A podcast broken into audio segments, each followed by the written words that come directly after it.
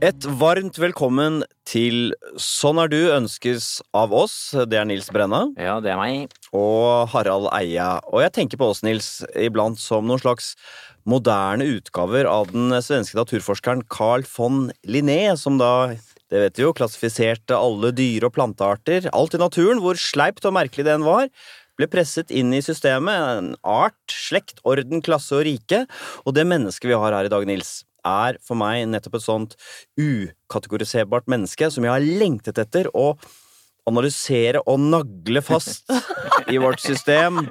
Feste med nåler i vår menneskelige insektsamling. Hjertelig velkommen hit, skuespiller, forfatter og, vil jeg si, multitalent, Mari Maurstad. Jøss a meg, for en intro! Det inntrykket jeg har av deg som en sånn fri fugl eh, som ikke helt lar seg kategorisere, er det, er det riktig? Ja, eh, ja. Jeg syns ikke selv jeg kan la meg kategorisere heller. Og Nei. det er litt forvirrende. Hvordan uh, vil du beskrive deg selv med tre-fire adjektiver? Uh, jeg vil nok si at jeg er uh, eh, Altså, hva heter sånn som er litt sånn Uh, ja, skal jeg, jeg kan velge å bruke det negative, Ja. masete, liksom. Eller sånn Ja. Energisk? Uh, Ja, energisk er vel kanskje det. Ja. Energisk. Og jeg håper at jeg er omtenksom. Mm. Ja. Eh, For det prøver jeg i hvert fall å være. Eh, eh, Og så kan jeg være litt frekk. Mm. Og så kan jeg være stille. Ja, du kan det. Mm. Det, er, det er utrolig, men sant. Ja. La oss sette i gang, Mari. Du er et mysterium for deg selv og mysterium for oss. Vi eh, forsøker å komme til bunns i aller først. Din score på personlighetstrekket nevrotisisme.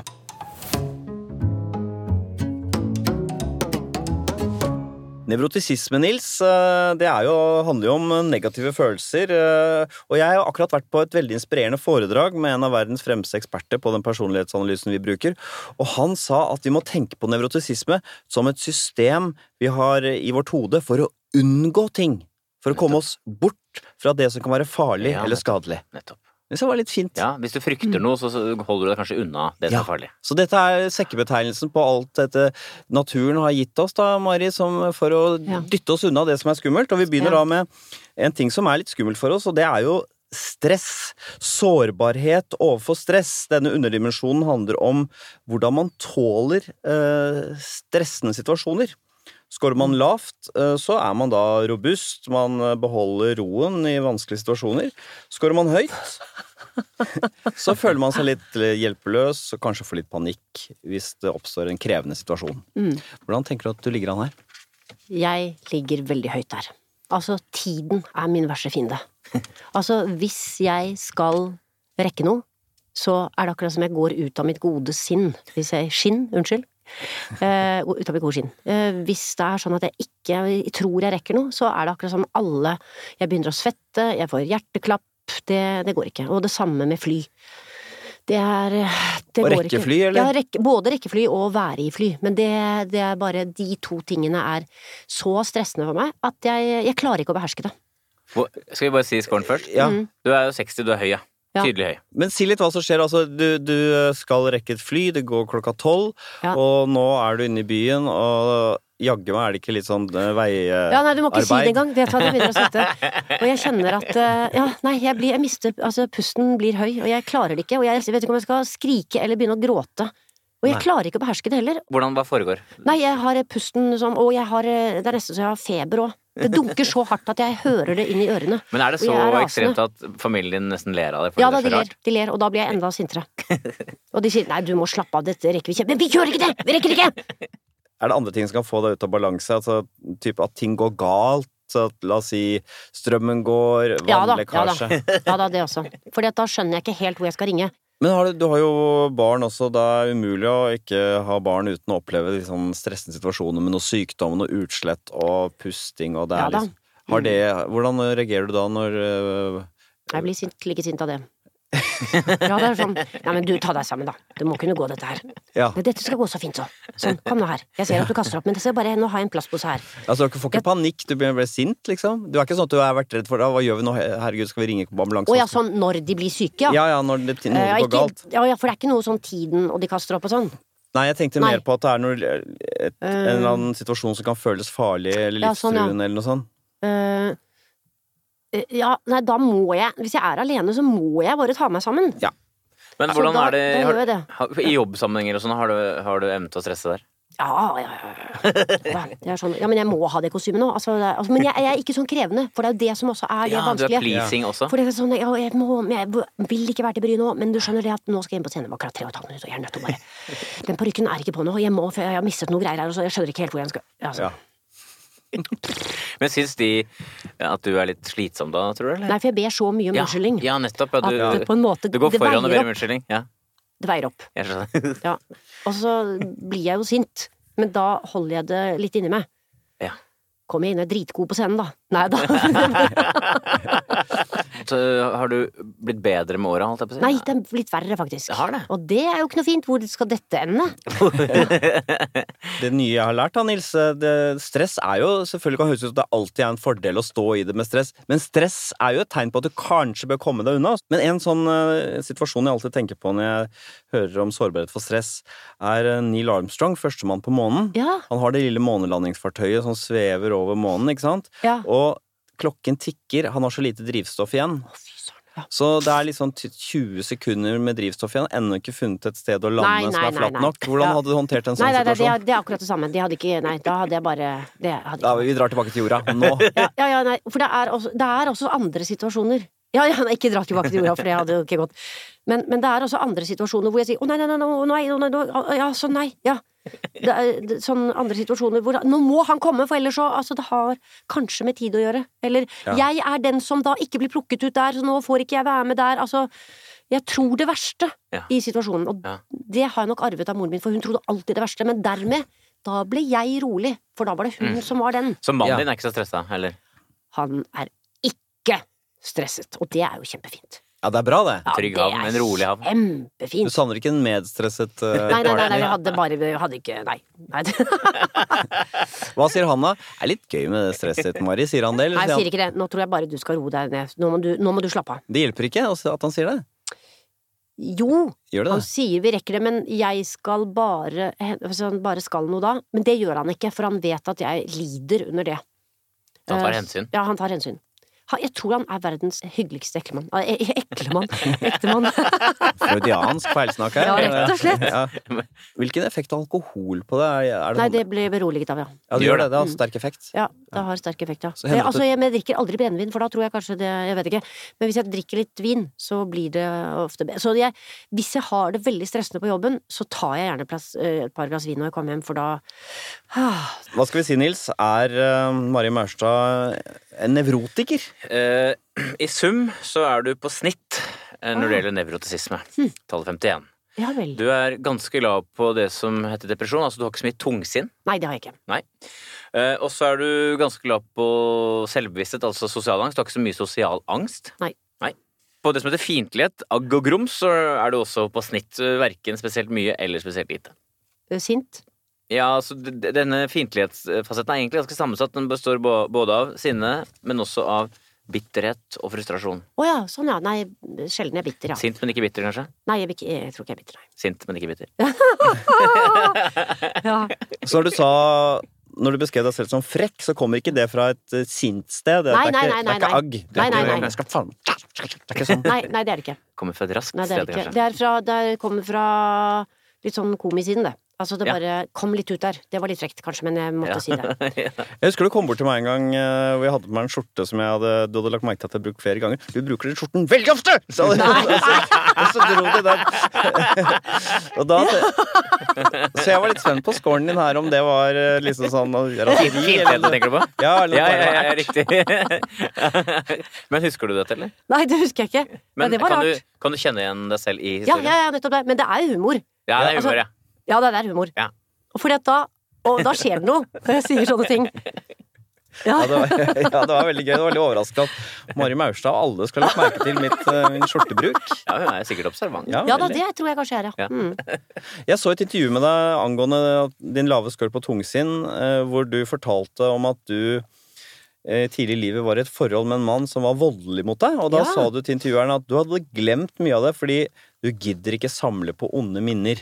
Ja, ja, nei, så godt sagt det var. Og det er typisk når du ikke scorer så høyt på depresjon. Da. For et menneske som hadde scoret høyt på tungsinn, ville jo ha nettopp ha, Ja. hatt det med seg hele Og veien. gnukket litt på det og pusset litt på det, ja. Ja, Ja, det nei, det kan man ikke Nei. Nei, men du var jo litt heldig sånn sett, da, som ikke har kanskje så mye anlegg for det. Ja, nettopp. For at da, ja, nei, da hadde livet mitt vært annerledes, rett og slett, nå. Ja, nettopp. Så det er rett og slett sånn at når det har skjedd noe vondt, så det forsvinner litt for deg? Ja, altså bestemoren min sa alltid 'stryk over og gå videre'. Altså, som du skjønner, var hun fra Stavanger. Sånn at, eh, og det er det. Du må bare legge det bak deg. Ja, for, for ofte så Eller man har jo lært ellers, eh, sånn gjennom både det lille man kan ha om psykologi og Ibsen og alt mulig, å feie ting under teppet. Det er det Det ja. dummeste du gjør, for det, det blir du aldri kvitt. Ja, nei da, men det er jo ting som fortsatt er til stede. Men poenget ditt er vel at du feider det vel ikke under teppet? Du snakka vel om det og bearbeider det mye, Ja da, og så ja. blir det borte, kanskje? Det var nok mer det. At sånn, jeg var ferdig med det på det. Jeg kunne ikke la det prege fortsettelsen av, livet mitt, på en måte. Men sånn tenker jo de som ikke har så høy score. Og det er lett å ha det som livsfilosofi, men hvis du først er plaget med tungsinn, vel, så Ja. Vel, eh, Mari, du er altså ganske midt på treet når det gjelder nevrotosisme. Her er du eh, ganske vanlig, rett og slett. Er det, her er du ganske vanlig, rett og slett. Er det deilig å få lov til å være litt vanlig? Ja, vet du hva, det syns jeg Altså, deilig at det var vanlig. Hvis du sier alt det andre er vanlig òg, så blir jeg kanskje litt sånn jøss a meg. Men du, har du tenkt på deg selv som en nevrotiker? Ja. Ja, du har det? Det har jeg. Som da er, Ja, men du har da særlig ett, bare ett tydelig trekk, og det er dette med stress. Ja, det er stress. Ekstroversjon det handler jo om hvor mye glede og kick man får av den ytre verden. Og ifølge denne forelesningen jeg var på, Nils, så er dette et system som eh, vi har i vårt hode for å, at vi skal nærme oss ting. Det dytter oss mot ting. ikke sant? Mot mennesker, mot opplevelser. Det kan være penger, det kan være mat, det Ja. kan være Det dytter oss mot opplevelser, mennesker, ikke sant. Så det er en motsatt kraft av uh, nevrotisisme som skyver oss fra. Så la oss begynne da med denne underdimensjonen som heter positive følelser. Altså generelt hvor mye positiv energi som man opplever i sitt liv, og hvilken, med hvilken kraft og intensitet man da uttrykker glede. Er du et, eh, har du mye glede i deg, Mari? Jeg syns det var så gøy med det ene spørsmålet. Når du blir veldig glad, må du klappe i hendene og hoppe? Ja, det må jeg. Jeg må må, bare klappe og hoppe, og det tenker jeg kanskje ikke alle For det fortalte jeg til noen, de sa det syntes de hørtes veldig rart ut. Men jeg blir veldig Altså, når jeg blir glad, så blir jeg så glad Ja. at det er nesten ikke til å tro. Ja, men du skal høyt. Du er på 58, som er ganske høyt, eh, rett og slett. Ja. Men bare for å ta det eh, fra hodet, Harald. Eh, Pernille Sørensen klapper hendene bare får kveldsmat, mens Torbjørn Røe Isaksen eh, orker ikke å strekke hendene i været selv når han er på landsmøte med Høyre og det er god stemning. Oh, ja. Så det er, folk er veldig forskjellige på de tingene her. ja, nemlig. Tror du Harald er det sånn som løfter henda over hodet og Nei, jubler? nei, jeg tror ikke det, kanskje. Nei, han er ikke det. Hva er det som kan få deg til å klappe i hendene av glede? Når gjorde du det sist, for eksempel? Nei, det, nei, det er bare sånne småting også. Hvis noe, noe vi, vi får til noe som vi har prøvd, nå sier plutselig vi Hvis, eh, nei, hvis vi skal reise et eller annet sted, eller Åge har kjøpt noe som er Ja! Hurra! Ja, sånn. Og nå skal vi ned det, og det var overraskelse, og jippi! Sånn. Jeg bruker ofte sånne ord. Jeg tror det var noe jeg fant igjen, som jeg ikke hadde, som jeg hadde lett etter, som jeg fant. Ja. Ah, da ble jeg så glad. Ja, Men er du en, kan man si at du er en optimist, eller? ja da. Ja. Det er jeg. Kan du nå sånne høye lykkenivåer, eller kan du kjenne på det? Ja, og da tenkte jeg Da jeg fikk en kanarifugl i julegave da jeg var ti år Da tenkte jeg nå er jeg så glad, da hoppet jeg også og klappet i den, at jeg tror aldri jeg noen gang kan bli så lykkelig mer. Sier du det? Ja, Dette er det- toppen. Ja, dette, var, dette er toppen av hvor glad man kan bli. Kan du beskrive den følelsen inni deg, da? Ja, det er en sånn bobling som kommer opp i halsen, som er en slags sånn det er så, akkurat som om du må på do bare den andre veien. Skjønner du? Ja. Altså, det kommer akkurat som du- venter en slags eksplosjon, og du tror nesten ikke at det er sant. Så glad blir man. Liker Og Ja. litt sånn når jeg må gå videre i Skal vi danse, da er det også litt sånn Ja, for det var, ja, hvor, du kom, hvor langt kom du? Nei, jeg var femte eller fjerde. Altså, Ja. men det var bare sånn at hvor, Hvordan skulle man tro at det skulle bety så mye å komme videre Ja, for da blir du virkelig glad. Ja, jeg ble altså så glad at jeg bare jeg, Ja. Ja, for man ville tenke sånn Mari Maurstad, Nationaltheatret, har vært og opplevd alt. Dumme konkurransen her betyr ingenting, men Nei. faktisk så slo det godt inn. Ja. Du har arbeidet som skuespiller hele livet, ikke sant? Jo. Og vært i et miljø hvor folk er kunstnere, og kanskje særlig før var litt, enda litt mer pretensiøse. Ja. Ble ditt eh, sprudlende humør oppfattet som litt sånn overfladisk eh, av andre? Det tror jeg nok kanskje. Jeg er jo mer en komedieskuespiller også, på en måte. Eh, For jeg merker jo også Eh, jeg, nei, ja, det, det tror jeg kanskje både fordi at jeg liksom Jeg kom jo ikke inn på teaterskolen, men jeg fikk likevel lov til å komme inn på Nationaltheatret, så det kan godt tenkes at folk var litt sure for det. Ja. Men jeg begynte jo et annet sted tidligere.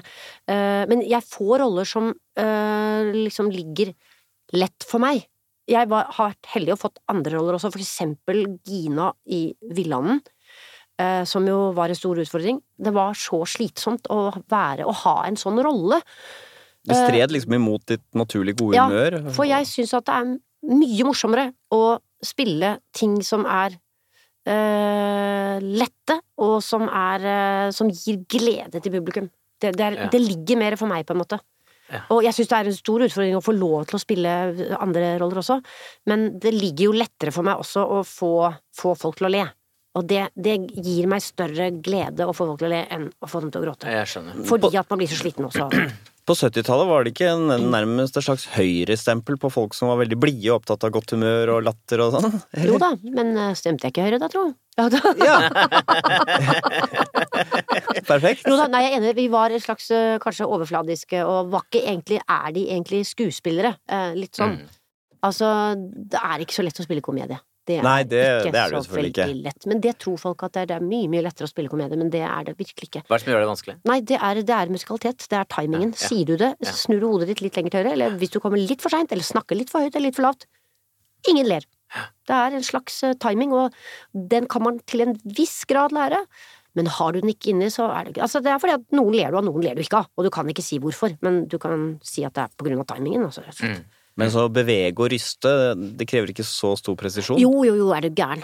Det skal mye til, det også. Men det er ikke sånn at hvis du sier ordet litt feil, så får du ikke folk til å grine. Det er sjelden du Nei hører nei da, så enkelt er det. For timingen er jo viktigere i komedie på en måte, er det ikke det? For du skal Jo. utløse en latter på en sånn Det er en mer sånn kirurgi på en måte, er det ikke det? Jo, det er kirurgisk presisjon. Og det som har vært gøy, er å få lov til å jobbe sammen med flinke folk. Altså, jeg, jobb, jeg har jobbet med flinke folk, liksom uh, Arve Oppsal, for eksempel. Han sa der skal du dra litt på den E-en der. Uh, ok, så dro jeg litt på den E-en, og der satt den Å ja, litt. det var såpass Ja, nei, du, det eh, er arkitektonisk. Ja. Absolutt. Det er fascinerende. Og Det er det er jo så gøy, for da er det fra kveld til kveld, så prøver jeg det liksom litt. Og så er det plutselig noe som skjer, så ler de ikke. Og så tenker vi hva er det som skjer nå? Da er det en som har snudd hodet sitt. Eh, altså en på scenen så snur hodet, ikke sant?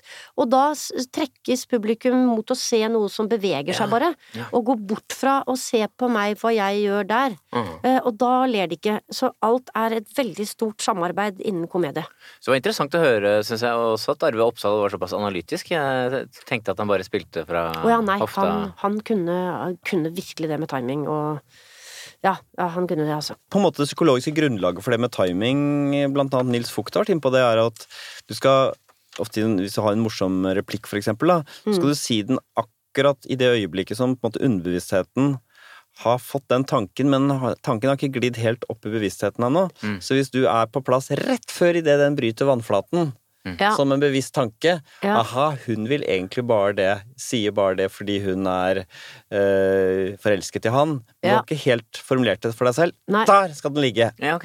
Er du for tidlig ute, så har ikke publikum tenkt tanken. nei. Er det for sent ute, har publikum er allerede tenkt tanken. den er med heter det? Vannskorpa. ja det mening? Det er, ja, det er akkurat sånn det er. Og det er, vi snakker om uh, tidels sekund, altså.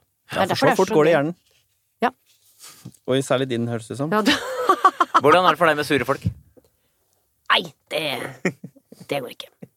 Hva med samfunnskritiske folk som er kritiske til samfunnsutviklingen? Er det en form for surhet i dine Ja, nei, det, jeg kan ikke snakke med dem. Altså, jeg kaster ikke bort liv på det. Ok, greit. En uh, interessant underdimensjon under ekstroversjon uh, er aktivitet. Det er altså livstempoet, behovet for å holde seg aktiv og sysselsatt. Er du en uh, aktiv type, eller er du en eh, Jeg blir veldig overrasket hvis jeg scorer lavt på det.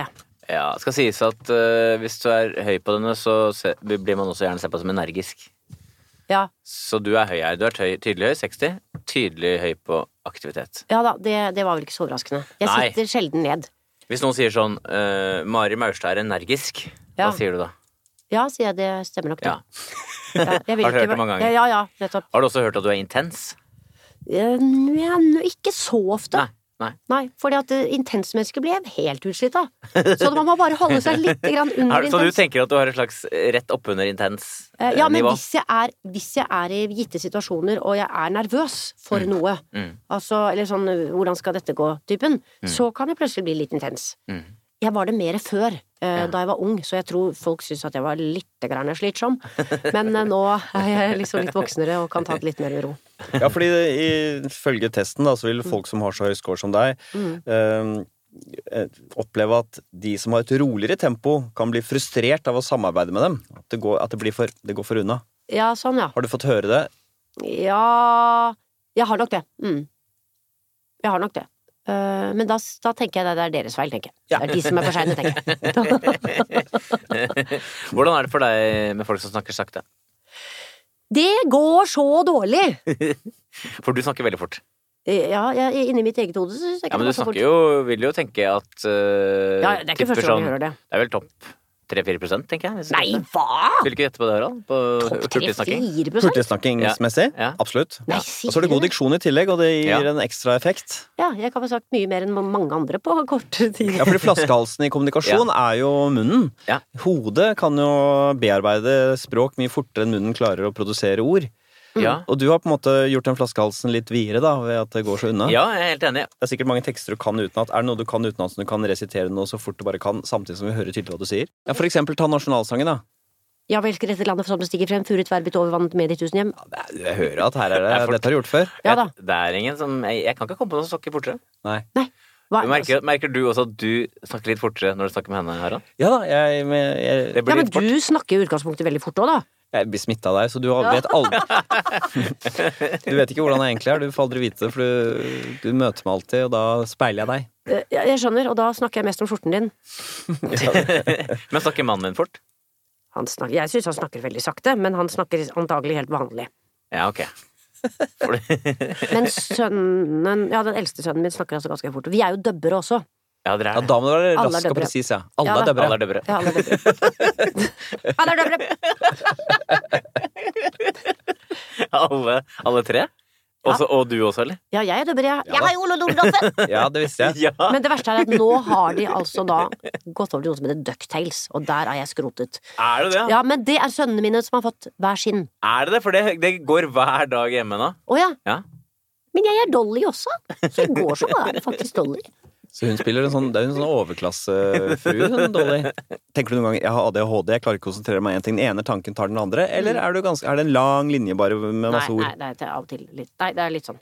Og, det, og du har Jeg tenkt at du stopper har midt i det? setningen. Jeg, nei, ja, jeg har tenkt Men jeg, jeg vet jo at jeg ikke er syk, for jeg kan jo konsentrere meg Nettopp. lenge og ligge og la, altså lese sakte ting også. Mm, Eh, for da har man jo virkelig et problem hvis man har ADHD. Men jeg skjønner at jeg kan være en tett opptil. Ja. Men eh, andre ting enn snakking, sånn øh, hjemme, har du behov for å holde deg sysselsatt og gjøre ting, eller kan du Ja. Nei, og det er veldig irriterende, for jeg har fått beskjed om at jeg må ta det med ro. eh, For ellers så møter jeg veggen igjen. Og hvem, har, hvem har sagt det til deg? Nei, alle sier at nå må du bare ta Men det med ro. alle leger nå, eller? Ja da. For du har møtt veggen. Ja, da, jeg møter veggen sånn med jevne mellomrom. Men Hvordan det, oppleves det? jeg altså blir helt eh, stille og deprimert og Nei, ikke deprimert, men jeg bare, det er bare helt stille. Jeg orker ingenting, og jeg må sove Men gi i et eksempel, noe skjedde fram til et eller annet punkt. Sa oss gjennom. Eh, ja, ja, altså, jeg, jobb, jeg jobbet så mye, jeg, og da blir jeg så rasende. Jeg måtte overta to roller på, i løpet av en påske, og den ene var kongen i Rikard 3., eh, og det var Shakespeare, og den andre var en dame på 29, og der kommer en ung dame i Hamsun Mysterier, og det var lange monologer på blanke, og jeg, jeg gikk der og pugget og pugget, og da var det til slutt så ble jeg bare liggende i sengen. For da, når jeg går og pugger og pugger og pugger, så var det akkurat som det ble ikke noe liv. Det, var, det ble ikke noe liv, det ble bare Ja, de ordene. Ok, så, Men er det sånn at det går fortere og fortere og rundt og rundt, blablabla, og så bare kollapser det? Eller går, er, det, er, det, er det en vegg du møter, sånn som uttrykket Nei, sier? det blir liksom sånn langsomt, sakte, som jeg bare være helt stille. Ja, du skjønner, og så til slutt så er du Ja, det er sånn at jeg orker bare ikke noe, jeg må ligge helt stille til jeg skal gå på scenen. Ja, for det virker som dette, denne egenskapen her, den høye aktivitetsnivået ditt. mm. Når det jobber i tospann med at du er så sårbar for stress, lett å liksom virvle deg opp og få Ja. opp, og det tåler du egentlig ikke, To- de høye rotasjoner. Vum, vum, så To kompiser som girer hverandre opp. Ja, rett og slett. Ja. Eller ned, eventuelt. Ja, Ja. Nei, men rett og slett, ja. Akkurat. Ja, men fordi at det er veldig fart. Ja. Men det som er rart, det er at når jeg er på det mest stressede, så begynner jeg å rydde. Istedenfor å da legge meg helt stille. Så nei, her må jeg rydde, for nå er jeg så stresset oppi hodet. Så nå skal jeg bare ta, nå skal jeg samle sammen alle sko som er fortsatt Altså, jeg skal gå ned til Fretex, og jeg skal ta rydde puter Ding dong, det var dette Ja. alt. Det er jo veldig tungt. Da får du beskjed om, eh, om det. Går går du til psykolog for å få hjelp med denne, dette stresset? Ja. Ja. ja. Hva, hva slags eh, terapi er det hun Det er gestaltterapi. Og hva går det ut på? Nei, det går og Det er altså sånn ikke vi går tilbake til barndommen, det er mer sånn vi går inn på her og nå. Mm. og hva er det som er problemet her, og så videre. Akkurat nå, nå ble jeg mye mer stressende enn jeg var før jeg kom inn her. Det er litt gøy å kjase deg opp på. ja. Hva skal vi si, eh, Nils? Eh, Mari Maurstad, er hun eh, en ekstrovert? Tenker du på det som helst ekstrovert? ja, jeg ville vært svært hvis jeg er introvert. De som bare sitter stille og Ja, men du er, ikke du er verken ekstrovert eller introvert. Å, sier du det? Du er midt på treet. Nei, Og det vet var du- overraskende. Vet du hva det heter? Nei. Ambivert. Ambivert. Ambivert, ja. Hva sa du for noe? Ambivalent. Midtrovert. Nei, men altså Midt på treet. Men altså, Ja, altså, ambivalent på en måte også. Du er altså ehm, Du har mye glede da, ikke sant? Og har mye energi. Ja. eh, Ikke sant? Ja. Det trekker opp. Men du er ganske lav på det som heter sosialitet. Det betyr at du har ikke så veldig behov egentlig å være sammen med mange mennesker i slengen. ja, nei, det stemmer. Mm. Ikke sant? Så det er jo på mange måter det mest typiske ekstroverte trekket også, er jo sosialitet. Der er du rett og slett ganske lav. Ja, men det er ikke overraskende. Det er sånn 'nå skal vi ha selskap, kan du komme hit?' Nei, det Nei. kan jeg ikke. Skravlete, men ikke sosial? Er det? Ja. ja. du også, vil jeg si, overraskende ganske lav på det som heter selvmarkering. Altså på sosial dominans. Det betyr at du ikke trenger å ta så mye plass. Nei, det går jo Det er også overraskende. Det går veldig opp og ned. Ja, men det går altså også og ned. Ja. Det bobler mye i deg, men du Mm. trenger ikke å si noe. Ja, det kommer, det kommer så veldig an på, og av og til så er jeg liksom nesten stille en hel kveld. Men hvis jeg Ja. kommer i, i andre sammenhenger, så er det jeg som tar ledelsen med en gang. Ja. Og så er det sånn som jeg, jeg sånn syns er kjempegøy å sjokkere, litt sjokkere. Jeg var på elgjakt, for jeg er med i et elglag. Og der sitter vi jo bare i sånn derre Dovremakko og sånne ting. Da hadde jeg tatt med meg en gullballkjole og tiara. Det syns jeg er kjempegøy. Ja, du gjør sånne ting, Sånn at da de satt der og skal sk- Nei, Trøndelag, ja. Nå er elgsuppa ferdig, skal du komme og et? Ja, et lite øyeblikk her. Så kom jeg da og hadde liksom sprayet håret og i gullballkjolen og tiara. Det er det, sånne ting er det morsomste jeg vet. Nettopp. Fy søren. Og det er jo litt sånn ekstrovert ting, ja, er ekstrovert ting å gjøre. Ikke sant? Ja. Ja, og, Ja. Da, og så da jeg i Paris, så tok jeg på meg steppeskoene, hadde bunad fra Norge og steppet ned en rulletrapp som gikk opp. Plutselig så må jeg gjøre sånne ting. Ja, ja. Men i andre øyeblikk så er det bare sånn at Men du er jo veldig energisk, ikke sant? Du har masse piff og overskudd. Ja. Over, du har energi og masse glede. Energi og masse glede. Ja, Men det det du er lav på, er Ja. spenningssøking. Du er ikke noe Nei, nei, det, nei, nei. Så det trekker jo ned. Ikke sant? Så det, sosiale, det sosiale og dette med spenningsøking, altså sånn alt fra berg-og-dal-baner og høy musikk, det er du ikke så glad i. Høy musikk liker jeg ikke. Skal man møte veggen, eh, ifølge vår psykolog Nils, så bør man ha en sånn knippe av egenskaper. Man må ha tåle stress litt dårlig. Man eh, bør la seg kave opp og ha høyt aktivitetsnivå, gjerne. Men man må også score høyt på en tredje ting, nemlig planmessighet. At man er pliktoppfyllende, at man gjennomfører det man har fått beskjed om. For da gjør man ting man egentlig ikke har godt av, men som andre har pålagt en. Ja. Nå skal vi se Mari Maurstad score på personlighetstrekket planmessighet. Du hører på NRK P2, dagens gjest Mari Maurstad. Planmessighet det handler om viljen og drivkraften til å prestere for å oppnå sine mål. Og ifølge den nye kunnskapen jeg sitter på nå, Nils, så er dette den eneste personlighetsdimensjonen som er unikt for oss mennesker. For det handler om selvregulering. Å dempe, altså hvis man ikke har lyst til å gjøre noe, vel, så slår denne faktoren inn. Jo, vi skal gjøre det, det bør vi gjøre. Du har sagt du skal gjøre det. Du tvinger deg selv til å gjøre noe og ikke gi opp. Nettopp. Så uh, av de tre små griser, storebror gris, den strukturerte, han finnes egentlig ikke som En gris. slik gris finner du aldri. Nettopp. Og her er en uh, viktig underdimensjon under planmessighet. Det er jo det som heter selvdisiplin. Det handler jo rett og slett om det, da. Om i hvilken grad du klarer å gjøre ting som er kjedelig. Eh, er du en som eh, åh, ikke orker, eller er du en som, som tar seg selv i nakken og gjennomfører Det er begge deler. Eh, Fordi at hvis det er noe som skal gjøres, for eksempel tømme en leilighet på 300 kvadratmeter, så er jo ikke det gøy, men jeg gjør det til siste knappenål. Nettopp. Men hvis det er at nå skal jeg virkelig begynne å trene, så begynner jeg, eller jogge annenhver dag, og jeg har en mann som gjør det. De som spiller strengeinstrumenter, de klarer det, for, For han er uh, Han er cellist, Cellist, og jeg har også en sønn som er fiolinist, og de øver om det er regn, tåke, om de har vondt i hodet, om det er lekkasje i kjelleren, så øver de minst to timer hver dag. Og der er dessverre ikke jeg. Nei, så du sammenligner deg selv med folk som er meget Ja, de er så ekstremt selvdisiplinerte, så jeg er ikke der. Så jeg er dessverre også litt sånn, når jeg har lagt opp et treningsprogram, så holder det en stund, men det holder ikke resten av livet. Nei, nettopp. Hva skal vi si om scoren her, Nils, ut fra det hun sier? Ja, du beskriver jo noe som er litt lavere enn eh, dine familiemedlemmer, men du er ganske høy, 57, så du er relativt eh, Det er ikke kjempehøyt tall, men du er jo på oversiden der. Ja, ok, ja. Så hvis de tenker at du har lav selvdisiplin, så har de ikke rett til det. Ja, nei, nei, fordi at eh, Nei, de sier vel ikke De sier ikke Nei. det. Det er jeg som Du liksom- merker det litt. Jeg merker at jeg Søren, nå skulle jeg jo ha Og så videre. Jeg sa Men du får gjennomført en god del. Du Ja, har ja, ja, jo ja, mange det får prosjekter. Å ja, ja, ja, nei, det er jeg gjennomført. Mm. Det er ikke Og mye da kok. Nei, nei, det er det ikke. Så jeg, da kjører jeg det til, til vi er ferdig. For det ligger og gnager hvis jeg ikke blir ferdig med det. Og her tenker jeg noe av nøkkelen til det å møte veggen også ligger, da. ikke sant? Da. Du, du står på Veggen nærmer seg, men du står ikke og Ja, det, det er stress og fart, men du står i det. Ja. Ja, og så er det pugge utenat, vet du. Det Ja. er jo veldig, veldig kjedelig. Ja. Men det skal fanken meg pugges, altså. Ja. Og til slutt så har jeg pugget liksom åtte timer, og sier Åge, er det ikke liksom litt mye bygging? Jo, nå er det så mye prikker oppi hodet at nå husker jeg nesten ikke hva jeg selv heter. Sånn at jeg klarer ikke helt å regulere det. Nettopp, ja. Eh, Grenseløs eh, Men dette er jo, det går jo litt sånn opp og ned, eh, syns jeg. Ja, altså Åge, som bare har øvd i to timer, han sier til deg, som har pugget i åtte timer, for å slappe av, mens du sier 'åssen orker du å øve i to timer', Åge? Skulle ikke tro det var mulig. Men dette er jo ikke hver dag. Han er det 365 dager i året. Altså, det er jo Ja. kanskje 364 da, men julaften er fri. I snitt, Nils, er eh, Mari Maurstad et planmessig menneske, eller? Du er eh, da eh, rett og slett på gjennomsnitt på faktoren planmessighet. Ja, nettopp, ja. Når det gjelder planmessighetsunderdimensjonene, så har du da snitt på orden. Og når det gjelder pliktfølelse, så, Ja. så er det også på snitt der. Og så er det gjennomsnittlig ambisiøs, tross alt. Ja.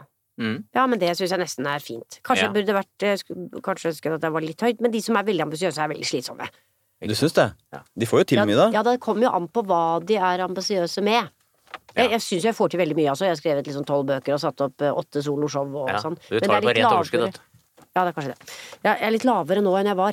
Ja, for du var For du, før så ville du fremover, var det litt sånn? Ja da, det var nok det. Jeg ville mye mer, og jeg hadde mye mer Jeg må! Ah, sånn. Så blir det jo da denne personlighetsdimensjonen. Jeg vil tippe du er litt spent på, Mari. Du har jo selv beskrevet deg, i hvert fall håper du at du er et eh, menneske som er omsorgsfullt. Ja, det håper jeg, og det vil jeg jo kanskje tro. Ikke sant? Jeg- La oss se da hva testen uh, sier, som trumfer uh, egen uh, oppfatning. Her er Mari Maurstads score på medmenneskelighet. Medmenneskelighet handler jo om egenskaper som samarbeidsvilje, medfølelse og hjelpsomhet. Nevrotisisme handler om å unngå ting, ikke sant? Ekstroversjon handler om å oppsøke ting. Så handler dette om å opprettholde de relasjonene alle- du har fått med andre mennesker, som ekstroversjonen har dyttet deg inn i. Nettopp. Dette er et om Det var omsorgssystemet. fint eh, Ja. beskrevet. Så da begynner vi med den eh, underdimensjonen som på en måte definerer dette trekket mest, nemlig altruisme. I hvilken grad uh, du setter eget behov til side for å hjelpe andre. Motsatt av egoisme. Altså, scorer du uh, høyt her? Er du en altruist, eller er du en som helst Hjelper deg selv. Jeg vil jo kanskje tro at jeg hjelper andre. Det er riktig. Ja. 62, Tydelighet. Ja. Fortell. Du har til og med startet en egen uh, hjelpeorganisasjon, Ja da. Mari. Har Ja. det. Ja, fortell, fortell om den, da. Nei da, jeg hjelper 1000 barn i Sør-Afrika, ja. Mm. Tusen. Ja, rundt 1000 barn. På hvilken måte hjelper det? Nei, det er mat, og jeg har faddere. Altså norske faddere. Zulu-fadder heter den. Ja. Det har jeg holdt på med nå siden 2004. Hvordan kom du på det? Nei, jeg var der nede, og det var bare det at du tenker Her må jeg bare gjøre noe. Her må hjelpe til. Her kan jeg faktisk gjøre noe. Fordi at det var plutselig mennesker og ledd som gjorde at jeg kunne få det til. Ja. Og så var det bare ja, Det var et møte med en dame. Altså, det var liksom Nelson Mandela, Mandela kvinnelig utgave av Nelson Mandela. Okay. Altså, hun var uh, operasjonssykepleier, og hun Det var akkurat som det var meant to be, på en måte. Hvilken Jeg sammenheng møtte du henne? Jeg skjønte ikke. Nei, jeg var bare på en sånn uh, luksustur, jeg. Du var på luksustur, ja. luksustur. Ja. Så jeg bare Og da sa han der som hadde med eh, har du lyst til å møte en sånn flott dame som driver og hjelper noen barn med noe sånn suppekjøkken og sånn? Så sa jeg det, ja, ja, ja, hvis du vil det, så Jeg var ikke sånn kjempe, for vi skulle rekke noe flodhester og noe greier. Hvor det Ja, var noen luksusting båt. som skulle rekkes. Ja, det var noen luksusting og noen båter som skulle gå, sånn rekker vi den da. Ja. Eh, og så var det bare ping, sånn som når du blir forelsket, liksom. Ja. Det var eh, et liv før og etter det. Ja, det, er såpass, ja. Ja, det var eh, sjokkerende. Å ja. Så Og hun dama bare satte sånne spor i Ja, deg, rett hun og slett? satte sånne spor. Og da var- skjønte du med en gang at Ja, det, ja, her kan jeg hjelpe. Jeg Og hva gjorde du da? Nei, da gjorde vi sånn som hun som var reiseleder. Hun, jeg ba henne kan du reise opp til hun damen, og så må jeg for fanken meg kunne klare å få noen som kan sende noen penger ned til deg. Og så fordi da, altså alt det der som man ser på i Ja, ser på disse stakkars barna som ikke har noe klær og sånn, du får jo ikke noe forhold til det. Nei. Men de sto jo der, og de hadde jo navn, og de hadde jo ikke noe klær, og huset var falt sammen, og de hadde ikke noe mat heller. Og jeg hadde noen sånne penger i hånden som jeg tenkte jeg skulle kjøpe noen gøyale julegaver med noen perler og noe sånt, men det var jo bare å gi til hun dama. Kan Ja. du gi Så ga, så da ga du bare de pengene du hadde? Ja, og da sa jeg til henne, vet du, at jeg skal love deg, jeg skal gjøre noe med det. Og da sa hun, vet du, du må ikke bli lei deg. Og jeg sier når du ikke får det til, jeg sier ikke hvis. Ja. Jeg sier når, for du kommer ikke til å få det til. For når du kommer hjem, så kommer dette til å fades ut. Og Sa du- hun. Ja, hun sa det, og du må Klok av skade. Ja, ja, ja, ja. Og hun sa også, lov meg å ikke bli lei deg for det. For det er sånn som skjer. Det er den menneskelige natur. Det var det lureste hun kunne si. Så hun ble jo da styremedlem i dette her, og hun hjalp meg, og jeg dro ned dit i tre måneder sammen med da min webdesigner, som jeg måtte få hjelp av til å lage noen sånne der bilder, copy-paste på noe tekst og noe sånt, noe som jeg fikk etter hvert Hun, reiselederen i Sør-Afrika, hun tok bilde av det barnet og sa hva han het og hva han ønsket seg i verden og hvor mange søsken han hadde og la, la, la. Og så sendte jeg ut, og jeg tenkte jeg må ha fem venner, så kan hjelpe, så kan jeg hjelpe fem barn, da. Og så var det hun der eh, webdesigneren som sa det at vi må jo bare dra ned til Sør-Afrika. Så sa jeg jeg skal jo spille Heksen i Reisen til julestjernen. Ja, det er viktig, det òg. Det er kjempeviktig. Ja. Men så ble det jo til at vi dro allikevel. Jeg tok eh, tre måneder fri fra, fra teatret, og så ble vi der, og da startet vi det, og hun er der fortsatt. Det er altså 14 år siden. Så hun har giftet seg der og er eh, og driver det, da. Jeg var, jeg var der nettopp. Hun nordnorske webdesigner? Ja, ja nordnorske webdesigner. Hun Ja. flyttet, seg, flyttet dit og giftet seg, og har kontroll og eh, Nei, det er helt utrolig. Men det Så er jo hvor mye tid bruker du på å drifte den organisasjonen og hjelpe disse tusen barna? Jeg vet ikke. jeg. Jeg bruker jo en del tid, men ikke så mye som å spille teater, holdt jeg på å si. Men jeg, jeg snakker mye med henne, og jeg reiser rundt og holder foredrag og sånn. Eh, Men når jeg da har møtt veggen og sånn, så går det ikke så. Det, da er det noe jeg ikke kan gjøre. Nei, selvfølgelig. Men, men ta et vanlig år, da, hvor du ikke har møtt veggen. Ja. Hvor mange døgn er du i Afrika? Nei, jeg er nok Jeg er eh, ja, si ja, Jeg vil nok tro at jeg til sammen bruker to måneder på det. Ja, du gjør det. Ja. Og så er du i Afrika hvor mye av tiden? Ja, da er jeg i Afrika ja, 20-25 dager, kanskje. Ja, det såpass, ja. Mm. Hva tenker du om tiggere? Det er sånn litt sånn med de tiggerne, nå er det jo 5000 tiggere rundt omkring. Så det er, det er en tigger som jeg hjelper, henne gir jeg da garn så hun kan strikke, og bøker som hun kan selge.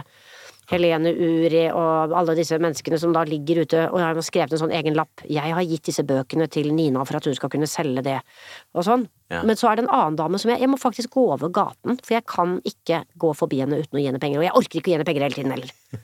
Skjønner du? Altså, jeg kan ikke det. Så det er litt slitsomt. Ja, det er litt slitsomt, for det er nede ved Ja. Det er nede ved den butikk hvor hun sitter alltid der, så tenker jeg nei, faen, altså, jeg må snike meg rundt her. Kan du bli irritert av det nesten, eller? Uh, Nja Ja, innimellom. Hva Ja, for det er så mange. Det er bare sånn Nei, men faen, er det- skal du også ha penger, da? Altså, nå har jeg nettopp gitt 50 kroner til hun der, nå får du holde opp. Ja, og så er du ikke lam allikevel, jeg så at du gikk der nede. Ja, jeg har også sett den egentlig? Litt, overgangen. litt overspill er det vel Det er av- hos noen av dem? Ja. Ja da. Det er jo det. Og de lyver jo. Ja, Altså, de sier at 'å, jeg har Så viser seg det var ikke sånn trelt. Ikke, de, ikke fem barn der hjemme. er Men, eh. Den, øh, men denne, dette sitat, denne, dette finneordet, da, den Ja. største glede du kan ha, er å gjøre andre glad, den stemmer litt for deg, Ja, Mari. den stemmer veldig for meg. En uh, interessant underdimensjon under medmenneskelighet er føyelighet. Altså, oppstår en konflikt, er du defensiv? Ja. Kombinert med kjapphet der. Ja, Defensiv og kjapp, jeg. Ja, jeg. ja. Sånn. Nei, jeg hater konflikter, det er det verste jeg vet. Så Ja, du er tydelig høy 62, ja, det, så det er det. Jeg, jeg, det er litt sånn på, på avstand, altså før jeg møtte deg nå, da, Mm. så har jeg liksom tenkt at du har vært en sånn krangleglad type. Ja, det har jeg Ja. også tenkt. Nei, Har du også tenkt, det? Harald? Ja, men Jeg har aldri sett deg noe krangel, men Nei. det blir litt lurt av energien din Ja. og det røde håret ditt og liksom farta. Det er bare juks. Ja. Nei, men jeg får ikke sove om natten hvis jeg, ikke, hvis jeg er i Ja, konflikt. det er eller- såpass, jeg får virkelig ikke sove. Fortell da, hvordan, når det oppstår en konflikt hvor, Ja, nei, men da må jeg be om unnskyldninger, jeg må gi gaver, og jeg må altså tilbake og si Jeg mente ikke Altså, hvis jeg sa det på den måten, så var det ikke meningen at jeg sa det, og det var fordi Så pakker jeg det inn og finner nye måter. Ja, Men all den tid du jo har et temperament, har du i hvert fall beskrevet, du kan bli sint Ja du blir stresset, så Ja. i arbeidssituasjonen så må det oppstå en del situasjoner da, hvor du er eh, rasende på en medskuespiller eller regissør eller Ja, jeg er det, men Hva jeg da? vinner aldri frem. Ja, det er veldig rart. Og jeg er kjempesint, eh, men det er akkurat som de tar ikke det til følge. Men er det for- sånn Gir du uttrykk for det, eller gjør det ikke? Eh, Ja, jeg gjør vel egentlig det. Men jeg, jeg sier Ja, men det er akkurat som jeg ikke har noe tyngde. Nei. Du, du, du liksom aser deg opp, du Ja, og så sier de sånn noe. kan de bare Altså, det går ikke. Altså, sånn og sånn og sånn, sånn det, det går faktisk ikke. Og nå sa de jo det er kjempeurettferdig. Og så er det bare sånn at jeg, akkurat som det ikke jeg har sagt det. Ja, for de har lært seg etter hvert at når Mari driver med det der, så går det over veldig fort over, og hun Ja, men Så du ikke i det. sier det til dem, du sier det til dem, altså? Ja, ja, altså Nei, jeg sier det ikke til dem, jeg sier det eh, til noen andre Nettopp. som skal ordne opp. Ja. Men når du kommer hjem til mannen din, da, ja. da, får, da får han høre Da får han liksom, høre det og si at jeg kan Altså, jeg vet ikke hva jeg skal gjøre med det. Og da må jeg ringe og si altså, jeg, hun Det går ikke med henne, altså. Men jeg går ikke direkte til si og sier nei, du, unnskyld meg. Nei, jeg, jeg gjør ikke det. Og det irriterer meg så grenseløst. Det er interessant, Harald, den eh, liksom tydelige stilen på mange måter. Masse energi, men så er det så Ja, Som en sånn fugl som flyr mot vinduet uten kraft, på en måte. Ja, men hvorfor? Og jeg skjønner ikke hva jeg skal gjøre for å, for å få tilbake den, kraften, få den samme energien. Kan du ikke snakke med den gestaltterapeuten? Jo, det skal jeg gjøre. Takk skal du ha. Jo, men du kan jo det. Du må jo ha noe Ja Du gir det altfor lett. Ja, det kan jeg gjøre. Det var sant. Ja. Gestaltterapeuten har løsningen. Ja, men, Har du noen gang krangla da? Stått i det? Har du noen gang Nei. overstyrt Nei, aldri. Ja. nei, hvis jeg krangler, så er det bare sånn Nei, nå gir jeg meg. Jeg orker ikke det. Men Åge, er han kranglete? Nei, ikke kranglet Vi har, vi ikke- har faktisk aldri kranglet. Dere har ikke det? Nei, har Og dere har vært sammen i hvor mange år? Ja, vi har vært gift i jeg var, jeg var fem, to, 31 år, da. Ja, Fy søren. Det er utrolig. Ja, det er utrolig. Uh... Men det gjør ikke noe heller, kanskje? da, hvis ikke nei, altså, jeg er ikke noe sånn som søker etter noe sånne ting, jeg. Eller han sier nei, nei, nå må du faktisk gi deg. Jeg sier ok, ja, jeg skjønner det. Men det er ikke så ofte det heller. Men du beskrev jo da i et tidligere intervju at du var i en relasjon som ikke var bra for deg. Ja. Eh, Var det vanskelig for deg å bryte ut av det nettopp fordi du var så føyelig? Ja. Men så plutselig så så jeg en løsning. Og da tenkte jeg at eh, den må jeg faktisk ta. Eh, fordi at Nei, det, det var veldig vanskelig. Og det var jo sånn dominerende. Altså, jeg var helt sånn underlegen. Ja. Eh, og det var Og plutselig så, så skjønte jeg at Ja, det var rett og slett at han trodde at jeg hadde et forhold til tannlegen fordi at jeg skulle gå dit to ganger. Og så hørte jeg Ja, men jeg skal jo bare pusse, hørte jeg. At du selv sa? Ja, jeg sa jeg skal jo bare pusse. Men jeg skulle pusse fordi jeg hadde det. Og da tenkte jeg dette er psyko. Jeg må komme meg ut av dette her. Og da var det akkurat som jeg da ping! Så våknet jeg opp av den derre crazy situasjonen, for jeg, jo, jeg var jo egentlig mye sterkere enn han. Hvor lenge så- sto du i den situasjonen? Nei, det var i to-tre år, liksom. Det var så lenge? Ja, ja, altså, det var helt, helt ko-ko. Men det var psykopat, vet du. Ja. Og da Men det skjønte ikke du da underveis? Nei, jeg skjønte ikke, hadde Nei, nei, jeg skjønte ikke. Jo, altså, jeg skjønte det, men så var det akkurat som det var det sånn Du unnfall. vil jenke det til, du vil at det Ja, skal nei, men dette skal gå så Så han sa litt unnskyld underveis og sånn? Var det det Nei, som- nei, nei, nei, nei, aldri noe unnskyld. Nei. Nei, aldri noe unnskyld. Men så blir det sånn at man forsvarer det forholdet Ja da, og så overfor tenker jeg venninner fortjener det og sånn. Ja, ja, fortjener, ja nettopp. Men er det, synes du det er veldig rart å tenke på at du var i det så lenge nå, eller? Nei, for jeg er jo litt sånn, litt sånn altså fremdeles, at jeg Ja. ikke klarer konflikter, og jeg gjør alt for å unngå konflikter. Du er et sårbart bytte for en psykopat som Det type. er jeg da. Så det er veldig fint at ikke Åge er det.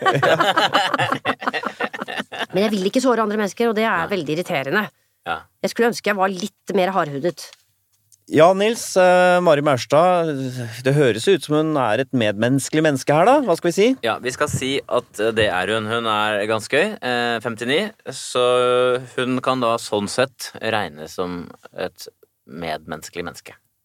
Du har høy score på empati, blant annet. Du føler med andres følelser. Ja, det gjør jeg. Og så har du da høy score på altruisme. Du har høy score på føyelighet, som da er et medmenneskelig trekk, Harald. Eh, Absolutt. ja. Hvis du ikke går inn i konflikter, så er det lettere å ha med å gjøre, selvfølgelig. Helt riktig. Så er du da gjennomsnittlig beskjeden og gjennomsnittlig tillitsfull. Ja, men det syns jeg ikke var så verst, det. Vi har jo snakket en del om eh, jobben din, eh, Mari, men for å virkelig forstå ditt arbeid som kunstner, så skal vi se nærmere på din score på neste personlighetstrekk, nemlig åpenhet for erfaringer. Du hører på Sånn er du på NRK P2. Dagens gjest er Mari Maurstad. Åpenhet eh, for eh, erfaringer, det er jo eh, nysgjerrighet, selvfølgelig. Det er jo mennesker, da, ifølge dette foredraget jeg var på, Nils, som er dårlige på å gjøre det samme om og om igjen. De har et bredt spekter av interesser, og blir ikke motivert av penger, folk som scorer høyt her, men da at ting er nytt og interessant. Nett. Så det er en sånn måte å utforske verden på. Vi begynner med en underdimensjon som heter åpenhet for følelser. Altså hvor mottagelig man er for eh, følelser, rett og slett. Hvor viktig rolle spiller følelser i ditt liv. Er du sånn som sier 'nei, vet du hva, jeg føler på det, men det tar jeg ikke hensyn til', eller kjenner du på de følelsene du har, og tar dem på alvor? Jeg tror nok at hele livet mitt er basert på følelser. Nesten. Ja, du er tydelig høy. Høy Ja, okay. på følelser. 62. Kan du plukke ut ganske mange sinnsstemninger hos deg selv? Eh, Det er jo instrumentet mitt. Ja. Fortell. Nei, men altså, jeg må jo hente de rareste ting fra Kan du eksempler på noen rare ting? Nei, nei, men sånn altså sjalusi, Ja. og men samtidig syns det er greit. Altså det er sånn der Ja, ja, ja. doble ting. Ja, sånn, ja. Eh, Eller det var ikke sånne ting du mente? Jo, jo, jo, jo, Ja, jo, ja, kjempeinteressant. Jeg vil gjerne høre om det. Vi Vil høre om det. Fler! Ja, nei, det er sånn Ja. Nei, men glad, men trist. Altså hvis noen du er glad i må reise, hvor du både er glad og trist samtidig. Ja. Ja, men det, jeg syns jo hele livet mitt består av uh, yin og yang, på en måte. Ja. Og da må jeg stå midt imellom og ikke vite hva jeg skal synes mest av. ja. Det er jo litt sånn forvirrende. Men, du skjønner, men du, når du skal hente ut de tingene, du vet hvor du finner dem, og hvordan du Ja finner da, dem? ja da, det finner jeg. For du har det Jeg har ganske god aksess til følelsene mine. Ja. Det er litt sånn som hvis man er vant til at det bare finnes sånn seks-sju farger, og så går du på malebutikken og ser på Jotuns fargekart, så er det sånn Er det så mange nyanser av eh, grønt og rødt og Sånn er det for deg med følelser. Ja da, det er egentlig det, også. Men jeg syns det er et veldig nyttig instrument sånn ute blant folk, for jeg kan også gjennomskue hva ligger egentlig bak her. Ja, du, du ser hva som er liksom masken, og hva som er den virkelige følelsen under. Ja, for jeg hører måten det blir sagt på, og så ser jeg på kroppsspråket. Og så må jeg se ting som er rundt, og så må jeg legge sammen liksom litt. Og så må jeg kjenne hva kjenner jeg her nå, midt oppi det. Du har lav score på det som handler om eh, åpenhet for ideer, altså intellektuell nysgjerrighet. Men Hva så betyr det i praksis da? det betyr at du ikke er så opptatt av teorier, kanskje. Nei, det er ikke Altså, jeg gikk og leste noe sånn logikk og sånn, og jeg syns jo ja, det har med det å gjøre. Ja, for eksempel. Ja. Ja, det syns jo det er ganske interessant, men det Ja, so what, tenker jeg. Ja, for eksempel når vi snakker om skuespillerkunst, altså Ja. hvis du er høy på åpenhet for ideer, Ja. så ville du vært opptatt av sånn Fins det en hjerneskann som på en måte dokumenterer hva som skjer når du oh, ja, forteller sånn, en ja. vits ja, og nei, sånt? nei, å, ja, ja, nei, nei, nei, nei, ikke. Du er interessert i det som virker, du. Ja, nei, jeg er ikke interessert i det. Nei. Nei. Nei, og det, det, det styrker jo bare det du sa om at følelser styrer veldig mye. Ja, for jeg vil ikke kunne bruke det der med skanningen så så at det var sånn. Ja, nei. Til nå. Og da er, det, da er det akkurat som jeg blir sånn Nei, nå må jeg sove. Altså, det er sånn at Ja, da må jeg faktisk sove. Søren, altså. Ja, beklager, ass. En interessant underdimensjon under åpenhet for erfaringer er estetikk. Altså hvor mottagelig man er for kunst og naturopplevelser, Mari. Er du en som lar deg bevege av uh, kunst og natur? Det er faktisk der jeg begynner å klappe i hendene, du. Og hoppe. Ja. Der er det. Ja. Og Ja, dette- jeg. Og dette er din tydeligste score av dem alle. Ja, det 67. Her er du en 2-3 høyeste. Å ja, sier du det? Ja, nei, jeg, det, jeg får stor glede av eh, kulturopplevelser og naturopplevelser. Si uh, det Ja, altså, siste jeg var og så uh, Jo Strømgren på Danseren. operaen. Danseren og De hadde et eget kompani der. Og det var så fint og så morsomt at jeg måtte invitere syv stykker. Da hadde jeg nettopp arvet masse penger, og da sa jeg det skal vi gjøre nå! Vi skal dra og se Jo Strømgren. Ringte ned med en gang. Nei, det var helt fantastisk. Hvordan opplever du da å se dette stykket? Hvis du skal beskrive det. Ja, jeg puster ikke nesten. For det er både spennende og eventyrlig og morsomt og vakkert. Ja. Og ballettdansere som liksom bare henger fast i luften. Det er liksom en blanding av det tekniske og uttrykket og musikken og det morsomme og liksom et diger sånn gavepakke av ting som jeg elsker. Ja. Jeg syns det er kjempefint. En del folk som har lavpåtatt her, klarer liksom ikke å komme inn i ting. Altså De leser en roman eller ser et teaterstykke eller sånn. Mm. Jeg tok litt tid før jeg Men tar det kort tid for deg at du er inni det? Ja, det tar kort tid. Ja, det tar veldig kort tid. For jeg har sett så mye at jeg skjønner hvor skal vi nå. Ja.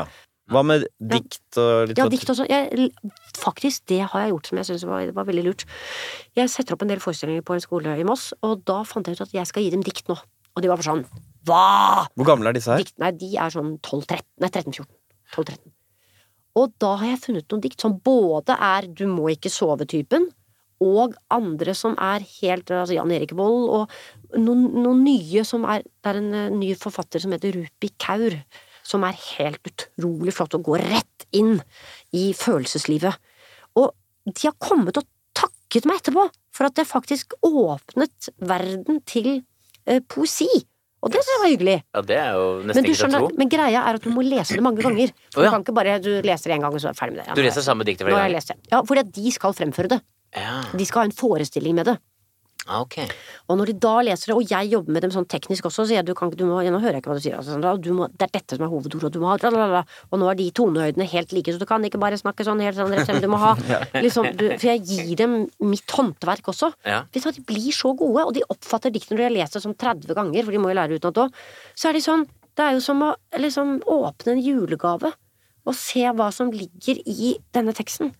Og Og det er derfor samfunnet trenger folk med høy åpenhet, fordi de selv har jo dette rommet i seg, det bare er litt ikke så lett antennelig, så de trenger noen som er mer sensible, sånn som deg, som allerede har plukket ut og sett gullet. Og så når du først leder folk dit, så begeistres de. Ja da.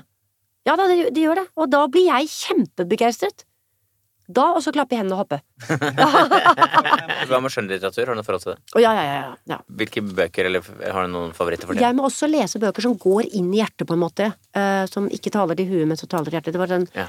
Robert C-taler, Et helt liv. Det var det siste jeg leste. Og det var bare sånn at jeg sa nei, den må bare alle ha. Så den måtte jeg legge ut på Facebook og si dere må ikke glemme denne her, altså. For den var Og så var den liten også. Og den var bare sånn Når det blir Altså både sammensetningen av ordene som gjør sånne eksplosjoner, av sånne deilige eksplosjoner inni kroppen. Jøss, det går an å sette de to ordene sammen! Og jeg fikk det bildet når han sa Og veldig uventet den setningen! Jøss, ja, det var gøy! Altså, du går igjennom hele spekteret inni kroppen. Den type litteratur som fenger deg, hvis jeg har forstått det riktig, er, er de, den litteraturen som beveger følelsen, men mer sånne formeksperimenter og mer sånne Ja, språklig nyskapende det, Nei, det går ikke. Jeg må ha opplevelser inni kroppen. Når det har med, med mennesker å gjøre, og det har med relasjoner og som går inn i hjertet, det syns jeg er fint. Ja. Når det svinger, og da klarer jeg ikke å legge fra meg boken. Ja, så Selv om måte, hjertet ditt ligger nærmest eh, komedieuttrykket, så blir Ja. du veldig beveget av eh, Ja da, jeg gjør det. sånne ting. Jeg gjør det, altså. Jeg ser mye teater, for det gir meg store opplevelser. Så Nils, eh, Mari Maurstad, hun er vel eh, ikke et menneske som scorer lavt på åpenhet for erfaringer, sånn i sum? Ja, I sum så er du faktisk på snitt, men du er da enormt høy på det, estetikk, da. Eh, og så er du høy på åpenhet for følelser. Du er lav på eh, sånn intellektuell nysgjerrighet. Ja. Og så er du litt lav på det med å liksom prøve nye ting og reise nye steder og prøve ny mat og sånn. Ja. Og så er du på snitt når det gjelder fantasi. Vel, Mari, vi har nå dekket alle de fem dimensjonene. Du hadde noen eh, ideer først om hvem du var. og La oss se nå. Har Mari Maurstad selvinnsikt, og har vi klart å nå klassifisere dette kompliserte mennesket? Her er fasiten om Mari Maurstad.